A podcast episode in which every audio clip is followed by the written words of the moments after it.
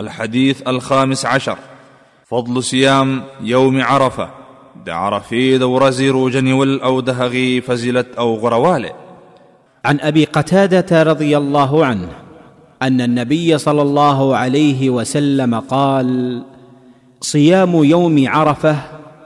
إني أحتسب على الله أن يكفر السنة التي قبله والسنة التي بعده ابو قتاده رضی الله عنه فرمای نبی کریم صلی الله علیه وسلم فرمایلی دی چې د عرفه په ورځ روزه نیولو باندې د الله تعالی نه دا امید لرم چې په دې سره د تیر شوی او راتلونکي کال ګناهونه وبخي دا حدیث امام ترمذی په خپل سنن کې ذکر کړي او امام مسلم هم د دې حدیث یو جز ذکر کړي او امام الباني رحمه الله ورته صحیح ویلي دي د دې حدیث راوی ابو قتاده رضی الله عنه جلیل القدر او مشهور صحابي دی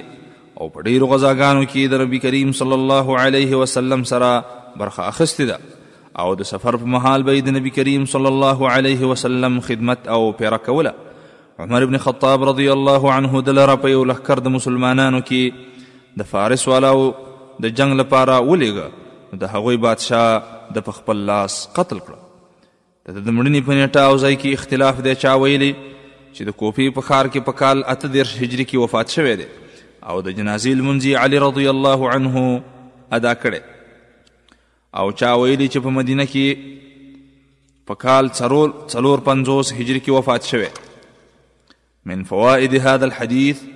د دې حدیث د فوائد څخه اول دا حدیث مؤمن بنده د عرفې د ورځې روژې نیولو ته هڅوي خو چې د حج په مراسمو کې نه وي دوهم په پورتنی حدیث کې د ګناهونو نه مراد واړه ګناهونه دي او هر چې لوی ګناهونه دي هغه بغیر د توبې نه نه معاف کیږي دریم نیک عملونه د یو مؤمن بنده لپاره د الله تعالی په نسبت باندې درجه اوچتوي